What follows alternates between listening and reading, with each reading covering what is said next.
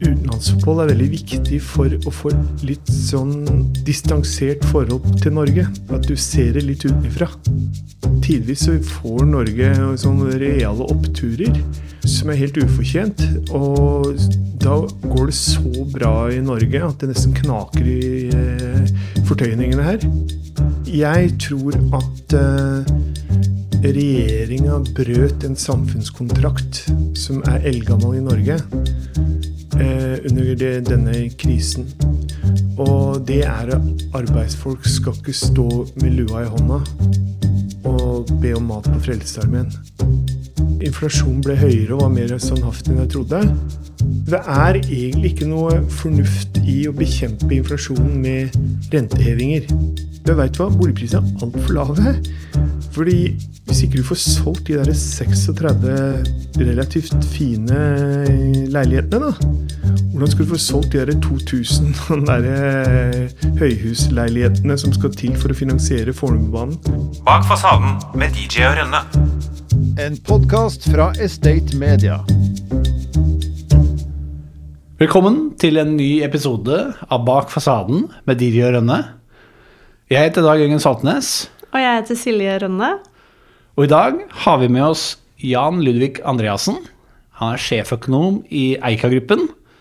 Eh, kjent stemme eh, når det gjelder renter og boligmarked og makroøkonomi.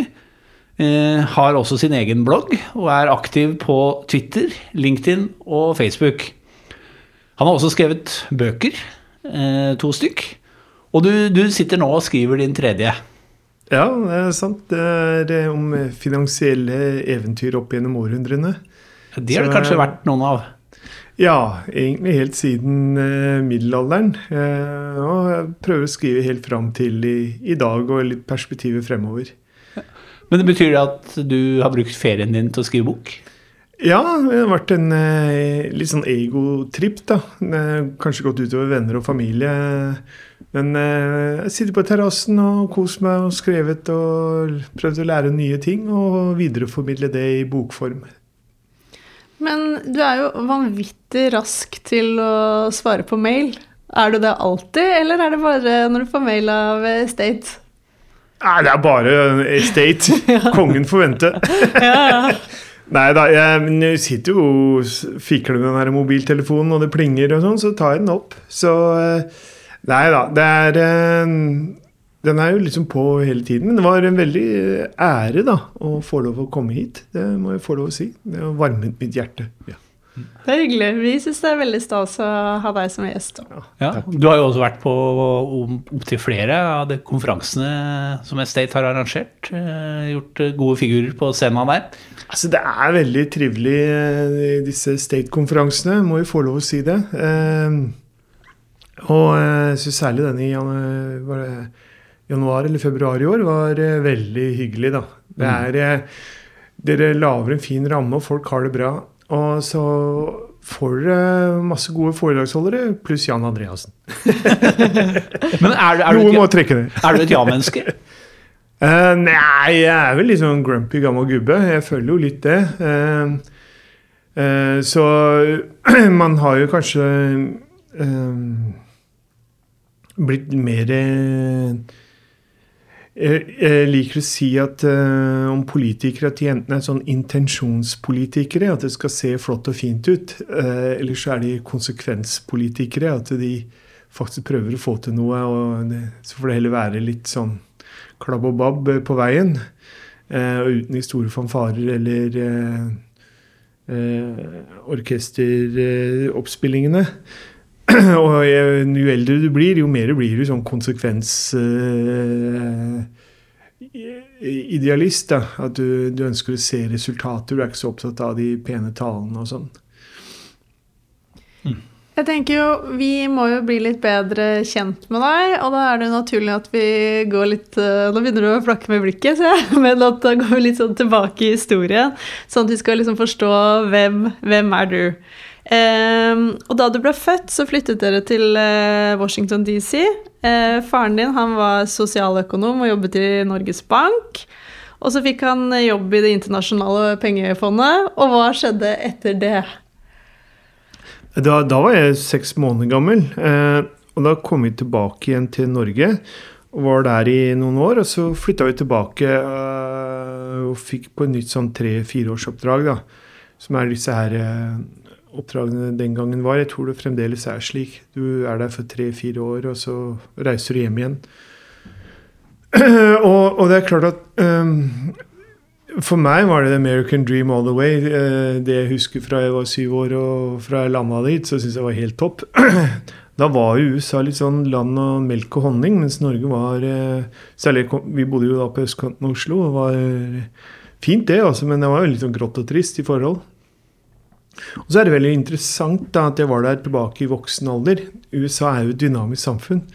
Og nå var det nabolaget blitt ganske så slitent. Eh, mens her i Oslo har jo tingene bare blomstra. Så eh, ting har endret seg på de årene. Eh, og så tror jeg at eh, man fikk litt sånn nysgjerrigheten på politikk og økonomi av denne type omflakkende reising. da. Og eh, så tror jeg også det at uh, utenlandsopphold er veldig viktig for å få litt sånn uh, distansert forhold til Norge. At du ser det litt utenfra. På hvilken måte da? Nei, på godt og vondt. At du blir plutselig oppmerksom på jøss dette har de ikke i andre land osv. Dette er jo kjempefint. Og plutselig Å jøss, men dette her kan vi lære amerikanere, eller for så vidt hvis du kommer fra Frankrike eller eh, Egypt eller Indonesia og sånn. Jøss, men dette her har vi Dette burde jo nordmenn lære. Så, så det, er, det, er, veldig mye Det var veldig formative years, som det heter. Um, og et eksempel på hvor, um, syns jeg, da, på at det er um, uh, utrolig mye å lære for et samfunn som det norske. Da, og at folk eh, kommer fra andre land hit, og man selv reiser litt ut før man kommer tilbake igjen og prøver å forene det beste av det norske og det utenlandske. Mm. Men Norge ute i verden, Lille-Norge, er jo øh, åpen økonomi. Eh, må jo da egentlig være veldig prisgitt de andre landenes økonomiske politikk. Ja, ja og, og, øh, på godt og vondt. Og øh, jeg tror vi bare tenker på nedsiderisiko. resten av verden og problemene der. men det faktum er at tidvis så får Norge sånne reale oppturer eh, som er helt ufortjent. Og da går det så bra i Norge at det nesten knaker i eh, fortøyningene her.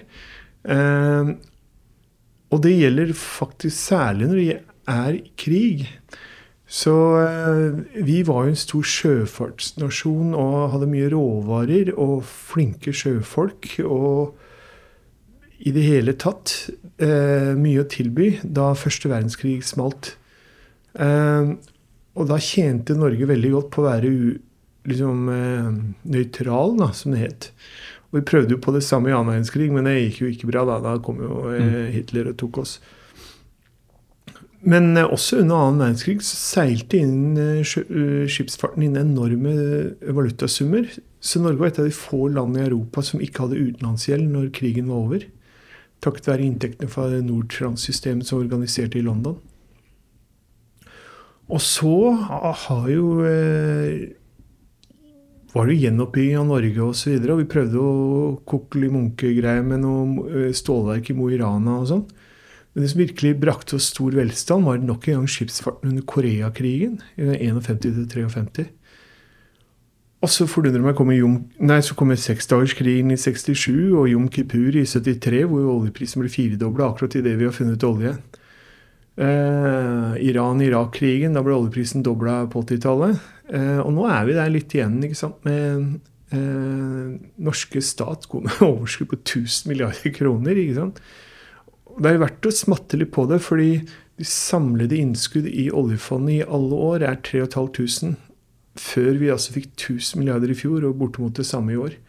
Så det har vært vanvittig store inntekter som har ramla inn i Norge i eh, disse to årene. Helt ufortjent. Og igjen så, så, tror jeg vi har hatt litt problemer med å eh, håndtere denne formuen. Fordi, og det er noe av grunnen til at regjeringen er så upopulær, at eh, folk skjønner ikke at penga er der, og de vil ha dem nå, og så får vi ikke lov å bruke dem. Ja. ja, du var jo da, da du var på eiendomsdagene, Ja, så var jo du ganske tydelig på eh, bruk av oljepenger. At man burde jo kunne bruke mer penger eh, på eh, ja, de som hadde lite eh, i Norge. Det ble Ja, og til og det- med nesten litt munnhuggeri mellom deg og Harald Magnus Andreassen, eh, hvor han rista mye på hodet. Men kan du Hva var det du egentlig mente der? Nei, altså Det er to ting, og de er litt uavhengige. Eh, fordi jeg tror at regjeringa brøt en samfunnskontrakt som er eldgammel i Norge, eh, under det, denne krisen. Og det er at arbeidsfolk skal ikke stå med lua i hånda og be om mat på Frelsesarmeen. Det skal ikke skje i Norge, og det skal ikke skje uansett hvor fattige vi er. Og det skal ikke skje i hvert fall hvis vi er rike. Eh, og så er det andre er liksom Bruker vi nok oljepenger? Eh, og har vi ikke råd til både dette og hint? Eh, og der har de nok eh, tatt ikke kritikken, men resultatet av den stramme finanspolitikken innover seg. Og sluppet ut mye mer. Og det er også et av mine budskap fremover, hvorfor jeg er så optimist på Norge nå, er at nå er det litt sånn at nå kan alle demninger ryke her for å bruke oljepenger. Rett og slett fordi regjeringa skjønner at de har vært i helt, helt feil innretning. Og at de selv står i fare for å miste jobben. Og det er alltid noe for å få folk til å konsentrere seg om hva som er oppgaven. Når de selv står i fare for å ryke ut. Så jeg, jeg eh, tror nå at eh, det kommer mye. Og, og siden den gang, dette var i januar, så har vi hatt et revidert nasjonalbudsjett som også er påplussa av SV, som er egentlig veldig raust, altså. Så jeg, jeg- jeg skriver også en del riskrapporter for Norge, eh, for våre banker og sånn, og det er eh, man skal ikke bli for negativ nå i høst. Eh, Ja, det er unødvendige og samfunnsskadelige rentehevinger på gang. Men det er eh, eh, våren eh, Når folk får rundt 5,5% lønnstillegg, så skjer jo det meste fra 1.7. Ikke sant? Det er, folk får 50 000 mer å rutte med fra 1.7. Og så har du eh, trygdeoppgjøret var på 6,5% Pensjonistoppgjøret, det er, det er liksom en million pensjonister, de fikk 8,5. Og de på sosialstønader, all in, da, fikk 10. Eh, Så det har skjedd noe i løpet av sommeren her som jeg tror eh, i hvert fall man skal tenke over når man eh, blir for eh, kritisk, da, som jeg har vært. Eh, Jeg, jeg syns regjeringen nå er på god vei til å snu skuta og prioritere folk og, og, og um, bruke og, og gi mer penger i lommeboka fremfor alt det andre de har surra med. Uh, og det skal de ha ros for. Og så håper jeg at de blir tilgitt, da, siden jeg stemmer Arbeiderpartiet, for at de brøt samfunnskontrakten fra Einar Gerhardsen om at arbeidsfolk ikke skal stå med lua i hånda. Det, det får vi se. Eh, Folk har langt minne. Men du har jo lenge vært den sjefsøkonomen som eh, traff eh, best på lave rentespådommer. Eh, og du er jo fortsatt i gang med lave renter, men har mer fokus på at det er feil å ha høye renter.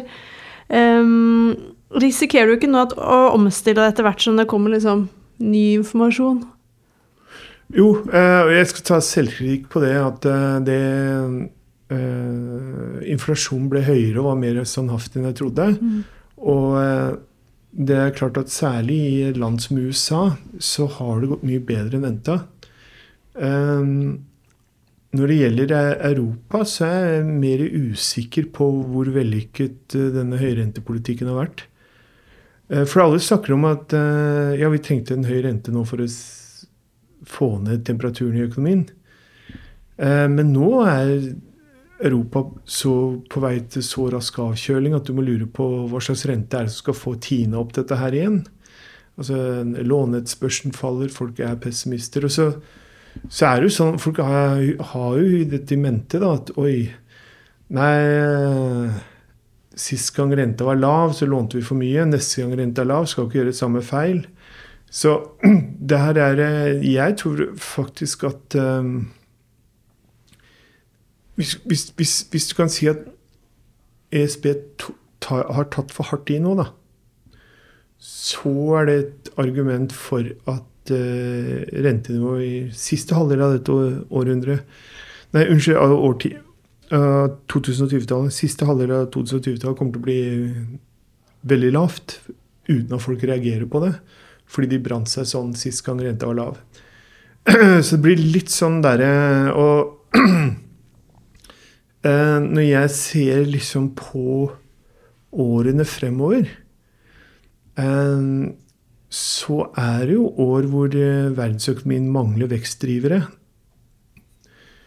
Eh, så litt sånn oppsummert Jeg må bare eh, ta inn meg at jeg har tatt feil, eh, og at renta kom mye mye høyere opp enn jeg har trodd. Og kanskje med et vil fortsatt hevde det kommet også høyere enn burde ha gjort i Europa. Og det kan ligge grunnlag for at du får egentlig en veldig svak utvikling i Europa i eh, andre halvdel av 2020-tallet, fordi folk blir redde og forsiktige med å bruke penger. Uansett hva renta er, for du vet jo aldri når den skal smelles opp igjen med 3-4 prosentpoeng. Ehm, og da får vi lav inflasjon og lave renter. Så må jo sies at Så jeg skriver som bok, da, og da prøver jeg om finansielle kriser og sånn, og da deler jeg verden opp i litt ulike regioner. Eh, Du har USA, så har du eh, Storbritannia, som ikke er så viktig annet enn at det er et sånn veldig sånn finanssentrum. Europa, eh, Kina og Japan. Egentlig det er de fire store, da. Det er USA, Kina, Japan og EU. Eller eurolandene, da. De 20 landene som bruker euro. Eh, og det er ca. halvparten av verdensøkonomien. USA, Japan, Kina, Europa. Og ingen av de stedene ser det egentlig så veldig ut som det blir noe særlig fart i økonomien da, i to, siste halvdel av 2020-tallet. USA må eh, konsolidere finansene. I Europa er det fallende yrkesbefolkning. Eh, Det er sterkt fallende yrkesbefolkning i Japan. Det blir aldri noe mer BNP-vekst i Japan. Så i fjor falt befolkningen med 800 000 mennesker. Og, og Kina holder på å gå den veien, da. Så, så det er liksom misforstått med Kina at eh, de har noen stor fremtid foran seg. De er nå ved middagshøyden. Ja, De har vel en ganske forferdelig eh, si, befolkningsutvikling når det gjelder antall barn som fødes, i hvert fall. Ja, men altså, Norge er ikke så veldig mye bedre. Vi, vi har her Silje her som akkurat har tatt seg av jobben og videreført folket her. Det er bra. All applaus. Eh, men det er noe globalt. altså Fødselstallene er veldig lave. Men det er, det er som du sier, det er ingen steder det er så sterkt omslag i, som i Kina. Som faktisk kommer til å gi en halvering av befolkningen på 100 år. Eh, og så vil mange si at det er jo akkurat det verden trenger. fordi eh, det å få gå, Kina går fra 1,4 til 700 millioner mennesker, det er kanskje det som skal til for at eh, kloden kan reddes. Eh, alle vi som bor her i, eh, på nord, nordsiden av eh, ekvator, vi bruker mye mer energi enn de som er på sørsida. Eh, så, så det er mye positivt i det, men det er veldig viktig å ta inn over seg det både storpolitiske og de økonomiske konsekvensene av at Kina nå virkelig eh, eh, altså det, er, virkelig over det økonomiske miraklet i Kina, og kanskje en BNP-vekst på rundt 2% Det er bra for Kina å være i, i tiden fremover. Men det her må jo få betydning for eh, norsk økonomi og norske renter og osv. Men eh, hvis vi hopper litt tilbake til eh, eh, norsk rentefastsettelse, da. Eh, og du høres ut som du kanskje har vært litt kritisk til Norges Bank. Hvilken karakter vil du gi Ida Wolden Bakke etter hennes relativt korte tid som sentralbanksjef? Nei, jeg vil gi toppkarakter. Eh, Jeg tror dette er mye mer institusjonelt, og det er mye mer strukturelt, og det er mye mer problematisk.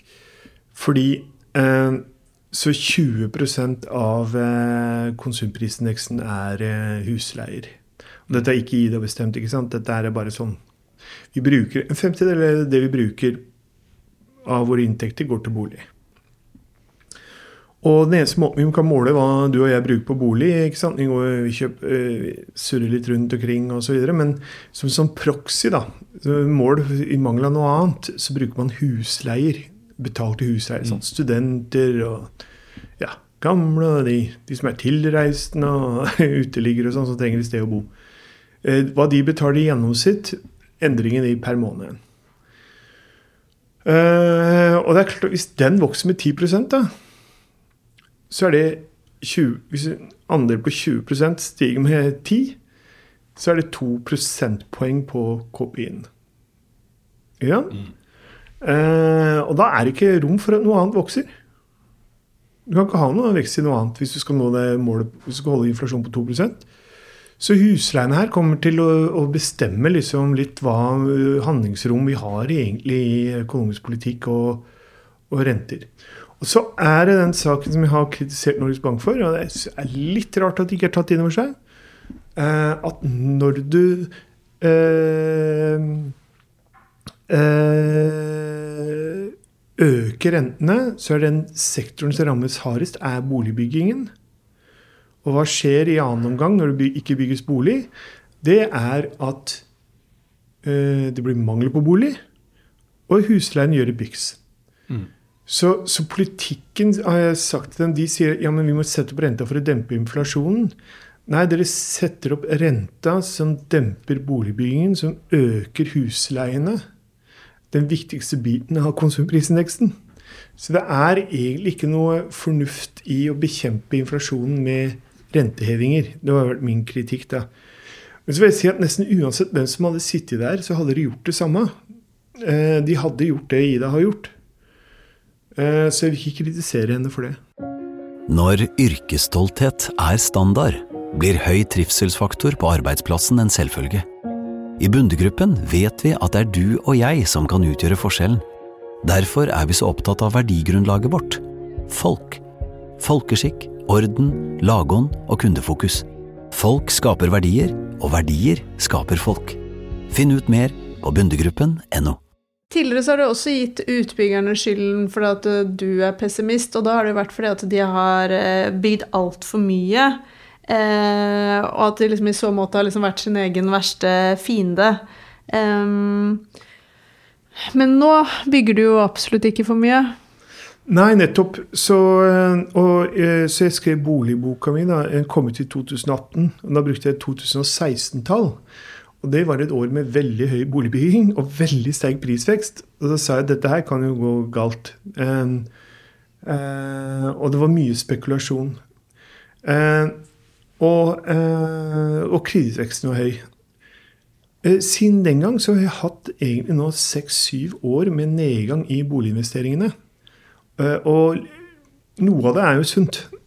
Men vi har kommet nå i en sånn situasjon Ta ut på Fornebulandet hvor jeg bor, da så har de bygd en T-bane. Eh, og der er det for å få det til å lønne seg, så, eller få det finansiert, så har eh, utbyggerne gått med på å betale ca. en million per leilighet til denne banen. Eh, og i endestasjonen eh, der er en liten sånn frimerke av en tomt som det skal settes opp 2000 boliger. Skyskrapere. norsk målestokk da opp til 15 etasjer. Og selvfølgelig ingen av de er solgt ennå. De kommer for salg nå om litt. 2000 boliger, ja. Uh, i sikkert gjennomsnittspris på over 100 000 per kvadratmeter. Rett bortafor så er jo uh, en rekkehus, eller sånn, mer sånn hagebyområde. Veldig fint. hvor Obos har dristet seg til å sette i gang. 36 leiligheter. Og det er nesten null salg. Og så snakker folk i eh, eh andre økonomer da, og, og Finanstilsynet og sånn, det høye boligprisene. Så jeg veit hva, boligprisene er altfor lave. Fordi hvis ikke du får solgt de der 36 relativt fine leilighetene, da hvordan skal du få solgt de der 2000 der eh, høyhusleilighetene som skal til for å finansiere Fornebubanen? Og det er litt sånn serious money, dette her. ikke sant? Den tomta aleine har liksom byggekost på 20 milliarder kroner. Eh, og så tar jeg det rundt omkring i Norge, og så er det sånn overalt. Og i, distriktene, så de som bygger der, det er kommunen eller industrien. Fordi det er bare tapsprosjekt å bygge. Boligprisene er altfor lave.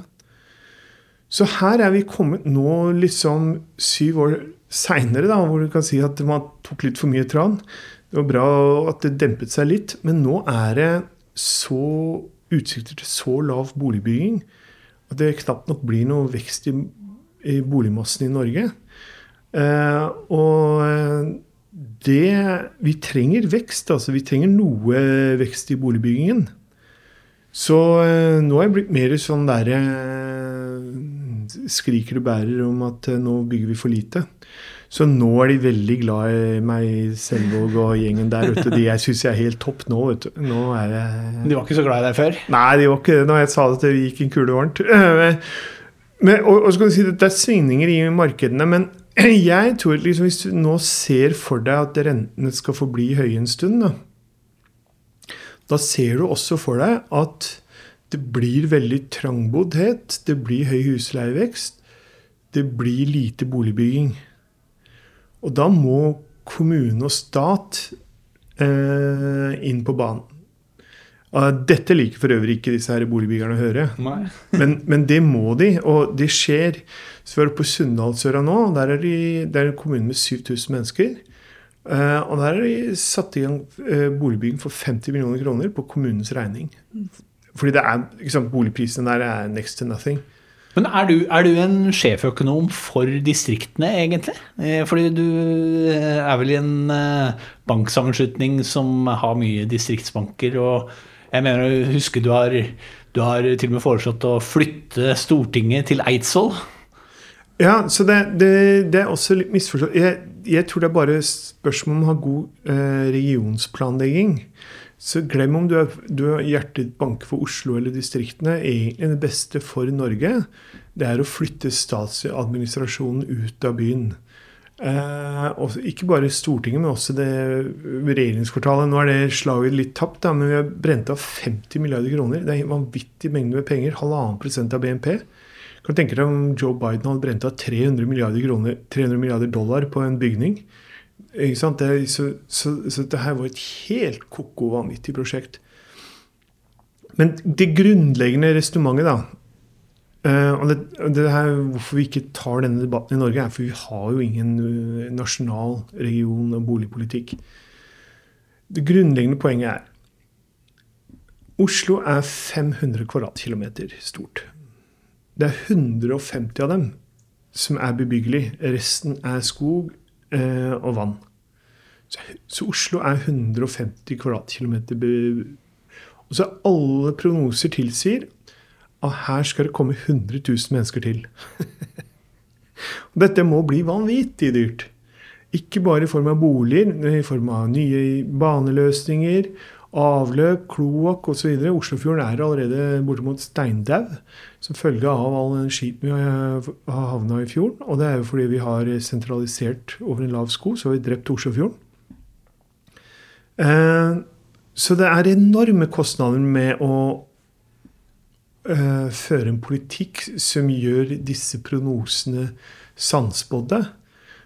Og det er ingen politiske partier, heller ikke Senterpartiet, som er villig til å gjøre noe eh, reelt for å endre denne skjebne. Nei, det du må gjøre da, hvis du skal endre på dette, det er å flytte store statlige ting ut. Og eh, da er det egentlig nærliggende å ta eh, en sånn sak som Stortinget. Alle kommer fra andre deler av landet, flyvende inn til Gardermoen. Deretter inn med bil eller buss eller tog inn til byen. Så skal de ha eh, leiligheter i byen som er kjempedyre. Så skal de gå på de dyreste restaurantene osv. I, i Norge.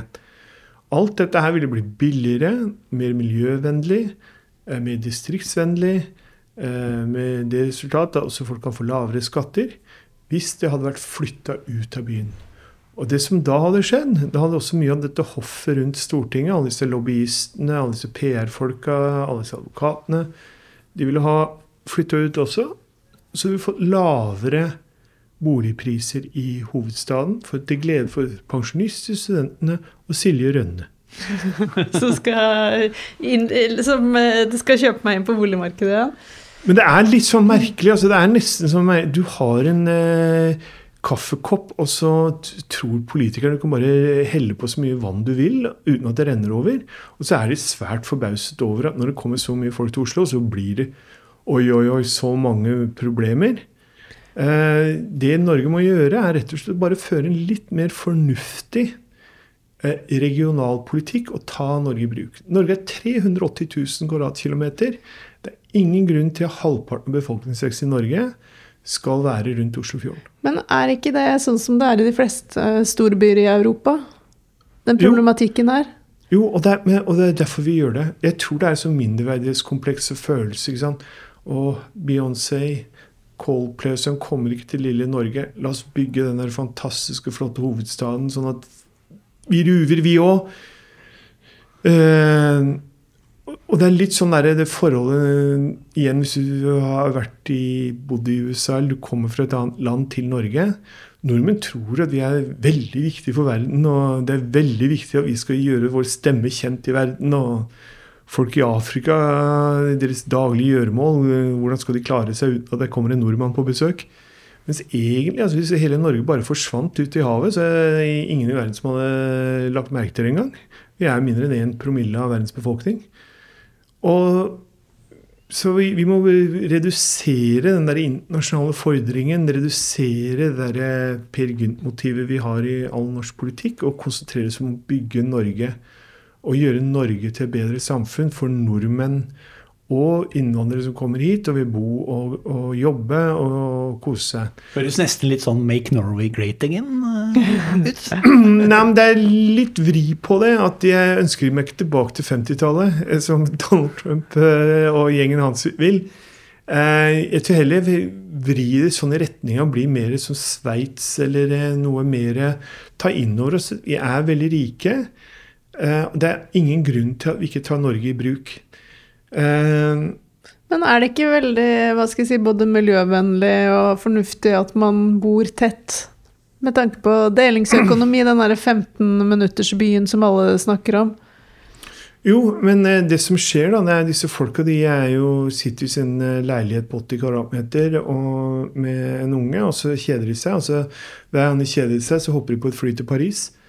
Så den moderne sånn urbane livsstil er jo litt sånn der du skal Og dette med traf ha leiligheter og trafikale knutepunkter, det er vel og bra, det, altså. Men øh, det er jo en sånn stil hvor du øh, øh, bor da på et eller annet sted, la oss si eh, Sandvika i en sånn eh, 30-etasjers blokk som kommer snart eh, der. Og så eh, kjeder du deg, så bare hopper du på flytoget til Gardermoen. Så hopper du videre til eh, Paris, Milano, Napoli og svir av tonnevis av CO2.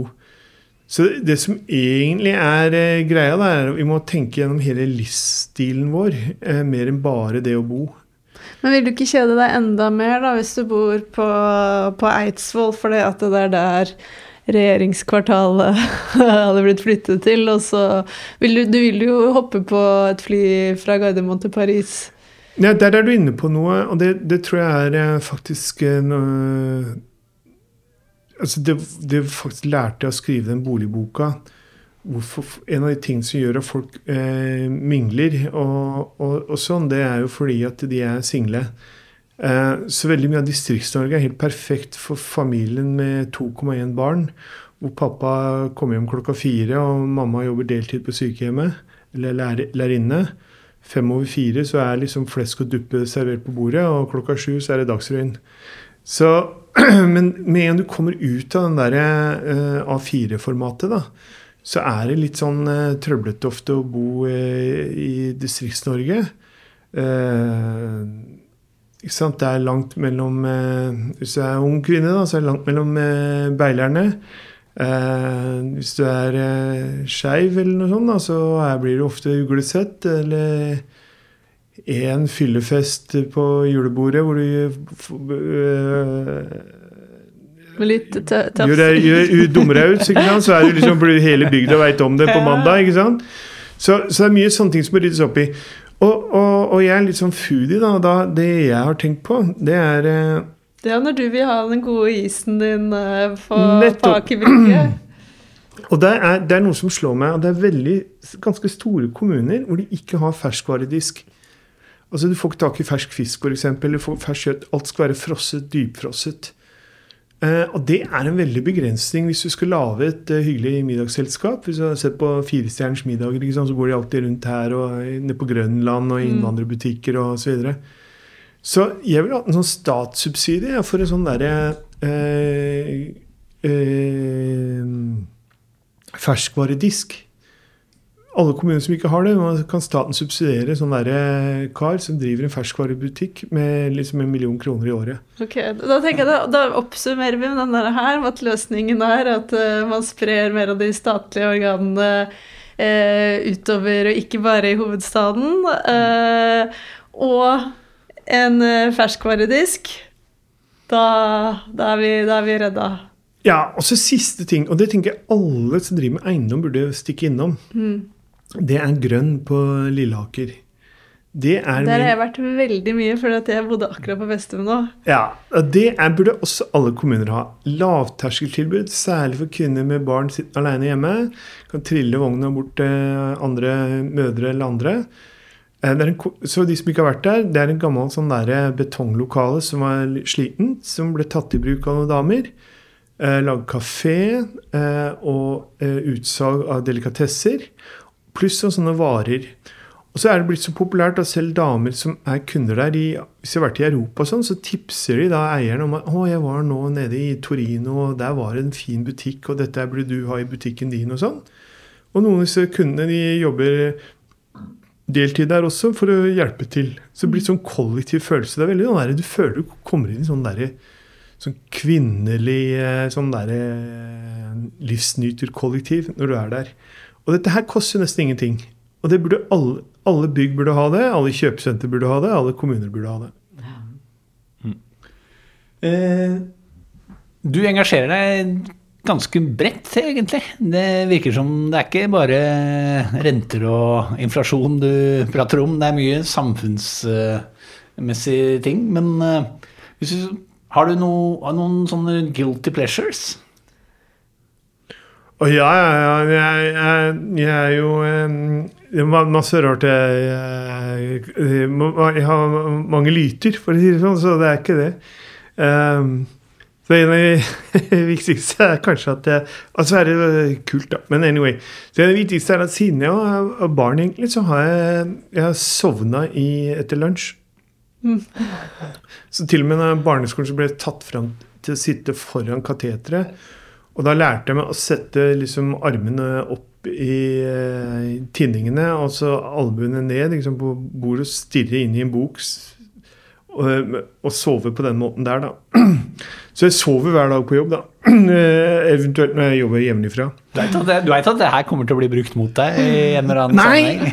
nei. Altså, nå er det kult, vet for nå sier folk å ja, du blir jo så produktiv når du sover, tar en sånn der eh, Powernap. Ja, ikke ja. sant? Og nå er det inn, ikke sant? Så da er det veldig bra, da. Men har du noe sånn uakademisk som du bruker hodet ditt på? Ser du på eh, noe sånn Paradise Hotel eller noe sånn, sånn ting som er helt utippa, da? Gjør du noe sånt som, ja, som ikke passer til eh, det bildet vi har av deg? Nei, men det jeg tror, da, det er at eh, jeg blir mer og mer opptatt av å skrive godt. Altså selve det skriveprosessen. Og da lærer du mye fra eh, film, du lærer fra musikk, du lærer fra skjønnlitteratur. Og så er jeg veldig opptatt av eh, når sant, disse dramaseriene kommer på TV og sånn, hvem som er bra, og hvordan de er bra, og hvorfor de er bra, og hvilke knep er det de bruker, og storytelling er, tror jeg er veldig viktig. Og det, det, der tror jeg faktisk samfunnsøkonomer må bli mye bedre. Få ut budskapet sitt og skrive bedre. Eh, Så- eh, så hjernen din jobber- ja. og skrive overbevisende så folk skjønner hva det går i. Mm. Eh, og kunne fortelle ting i bilder, ikke bare i tall og tabeller. Og det bruker jeg så mye i mine taler. da. Jeg prøver alltid å lage en eller annen på å holde taler om at altså, folk skal huske det fem år etterpå. Det er Og hvordan, er det, og hvordan er det de husker det? Det er at De husker aldri en tabell. De husker aldri restaurant. Eh, De husker aldri, med mindre du skriver som eh, Ibsen eller Shakespeare, så skriver ord. Men bilder, en fortelling, den husker de. Og det tror jeg også når jeg var på Estate Media og fortalte den der Martin Kolberg-historien. Den kommer, den kommer folk til å huske i mange år. Ja, men det var mange av de som hører oss, som ikke har hørt den. Hva var det? Nei, så jeg har også vært med med en gjeng som heter eh, Lokalsamfunnet. Og det er små kommuner som har slått seg sammen og lagd en liten sånn der eh, interessegruppe. Og eh, så hadde de konferanse, og så var det liksom, alt er gærent i småkommunen osv. Og, så og så var det sånn skåle takk for maten-tale. Og da var det Martin Kolberg som holdt takk for maten-talen. Og, og dette her var jo da midt under den verste strømkrisa og sånn, og folk trebarnsfedre sto i køen og gråt for at de måtte hente mat på Kirkens Nødhjelp og andre steder, for de fikk ikke hjelp, fra det offentlige. Og da fortalte jeg Kolberg historien eh, liksom om da Arbeiderpartiet hadde landsmøte en gang på 70-tallet, samme dag som Einar Gerhardsen ble 75 år. Eh, og da ble Einar Gerhardsen trampa opp på Arbeiderpartiets landsmøtets scene, ikke sant? Og blomster og greier. Og så ble han spurt Hva er det viktigste du har fått til i din politiske karriere? Og så igjen sånn litt sånn dramaturgisk, så eh, Gerhardsen han ventet til det liksom var helt stille i salen. ikke sant? Skulle høre sånn knappenål falle i gulvet. Og så sa han det viktigste Arbeiderpartiet har fått til, det er at arbeidsfolk ikke lenger skal stå med lua i hånda og be om mat. Og den tror jeg sitter veldig hardt i regjeringslokalet nå. Den historien der, den kan de nå. Det der, det, det, var, det var feil, altså. Det skulle ikke ha skjedd, det der greiene der under strømkrisen. Det, det var virkelig sånn det brøt en samfunnskontrakt som ikke burde brytes. Og så var det ingen grunn til å bryte, gitt at jeg fylte på oljefondet med 1000 milliarder kroner omtrent samtidig som folk sto der og gråt i køen til Kirkens Nødhjelp. Men til tross for det, så er det fortsatt uh, arbeidermann. Nei, det er mer jeg kom fra østkanten av Oslo. Ja. Jeg, jeg liker å si det. Jeg, jeg stemmer på dem uansett hvor mye gærent de gjør. Ja. Men jeg, jeg, jeg tror nok at eh, jeg har sagt det og skrevet det egentlig, for jeg har fått mye kjeft av dem også. da. Eh, Men jeg sier jeg tror den gjengen må bare fornye seg. De må tenke litt nytt. Dette går liksom ikke det er ikke, det er ikke uten grunn at sånt skjer, da. Og så overlate til de flinke økonomene og statsviterne og politikerne i partiet til å rydde opp og finne på noe nytt. Men eh, nei, dette går definitivt ikke veien. da. Gjør jo ikke det. Bak fasaden med DJ og Rønne.